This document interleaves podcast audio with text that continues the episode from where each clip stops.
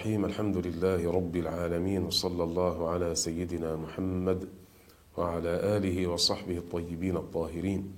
سنكمل إن شاء الله تعالى في تفسير سورة التغابن. أعوذ بالله من الشيطان الرجيم. ما أصاب من مصيبة إلا بإذن الله.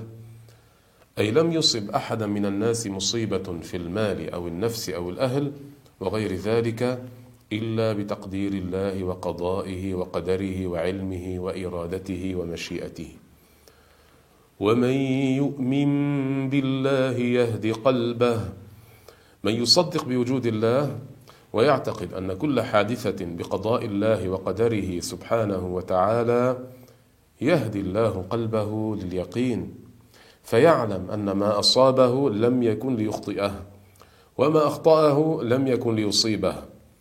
ويهدي قلبه للاسترجاع وهو أن يقول إنا لله وإنا إليه راجعون.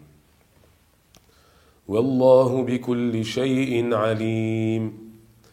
الله عز وجل لا يخفى عليه شيء. هو عالم بما كان وما يكون وما هو كائن من قبل أن يكون سبحانه وتعالى. وأطيعوا الله وأطيعوا الرسول. أطيعوا الله في أمره ونهيه في جميع الأوقات. ولا تشغلكم المصائب عن الاشتغال بطاعة الله تعالى والعمل بكتابه. وأطيعوا الرسول أي اعملوا بطاعة الرسول صلى الله عليه وسلم واتباع سنته. وليكن جل همتكم في السراء والضراء العمل بما شرع لكم. فإن توليتم فإنما على رسولنا البلاغ المبين. فإن توليتم عن الطاعة فليس على رسولنا محمد صلى الله عليه وسلم إلا التبليغ. فلا ضرر ولا بأس على الرسول صلى الله عليه وسلم في توليكم فإنه ليس عليه إلا البلاغ. وقد فعل. الله لا إله إلا هو. أي هو المعبود بحق سبحانه وتعالى فلا أحد يستحق أن يعبد إلا الله.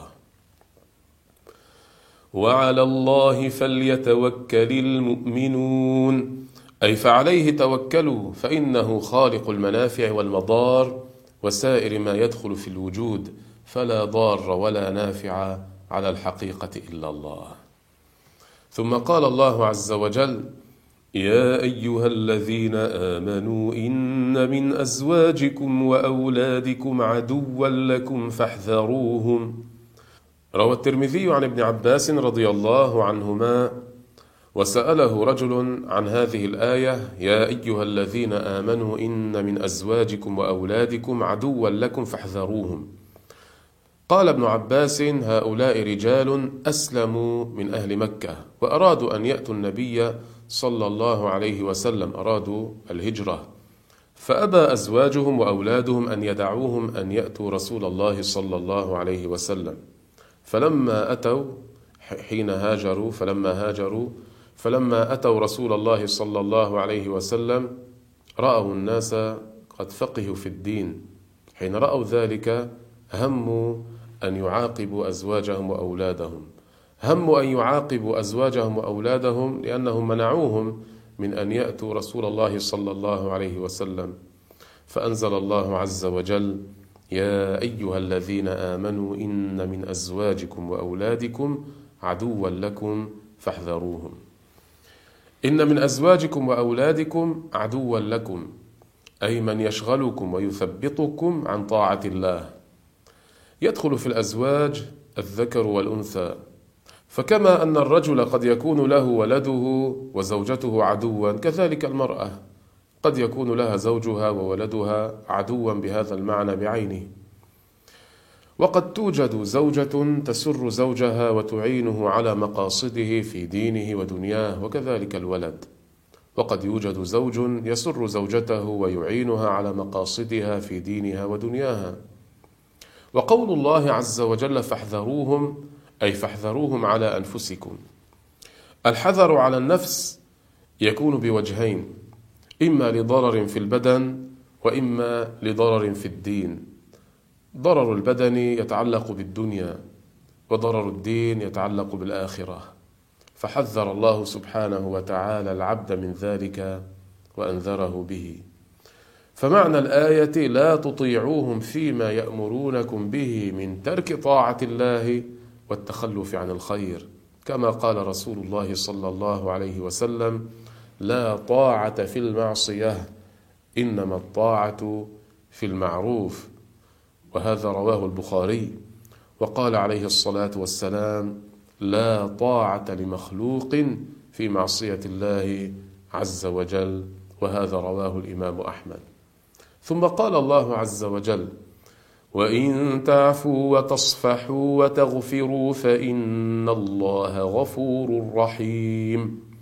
وإن تعفوا أي تتركوا عقابهم وتصفحوا أي تعرضوا عن التوبيخ وتغفروا أي بإخفاء وستر ما فعلوا فإن الله غفور رحيم غفور لمن تاب من عباده من ذنوبه. ثم قال الله عز وجل إنما أموالكم وأولادكم فتنة. فتنة أي بلاء ومحنة وشغل عن الآخرة. فقد يقع الإنسان بسببهم في منع الحق وقد يقع بسببهم في تناول الحرام وغصب مال الغير. ومنهم من يشغله الكسب والتجارة في أحواله عن أداء الصلوات الخمس في أوقاتها والعياذ بالله. والله عنده أجر عظيم.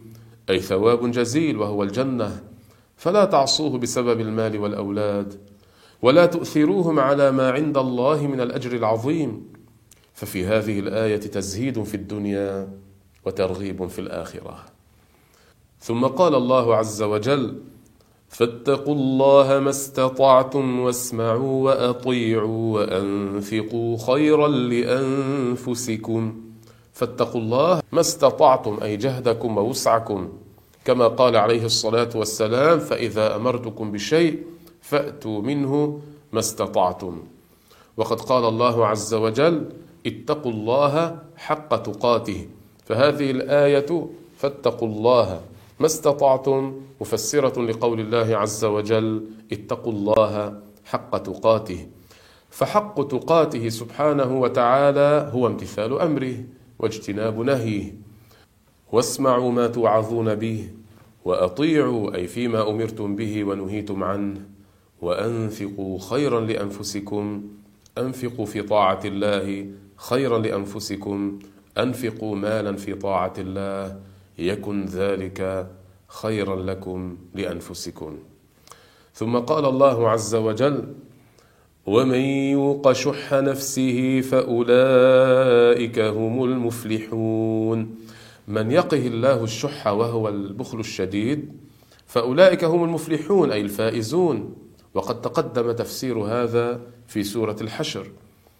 ولما أمر الله عز وجل بالإنفاق أكده بقوله إن تقرضوا الله قرضا حسنا يضاعفه لكم ويغفر لكم. القرض هو ما يدفع إلى الإنسان من المال بشرط رد بدله.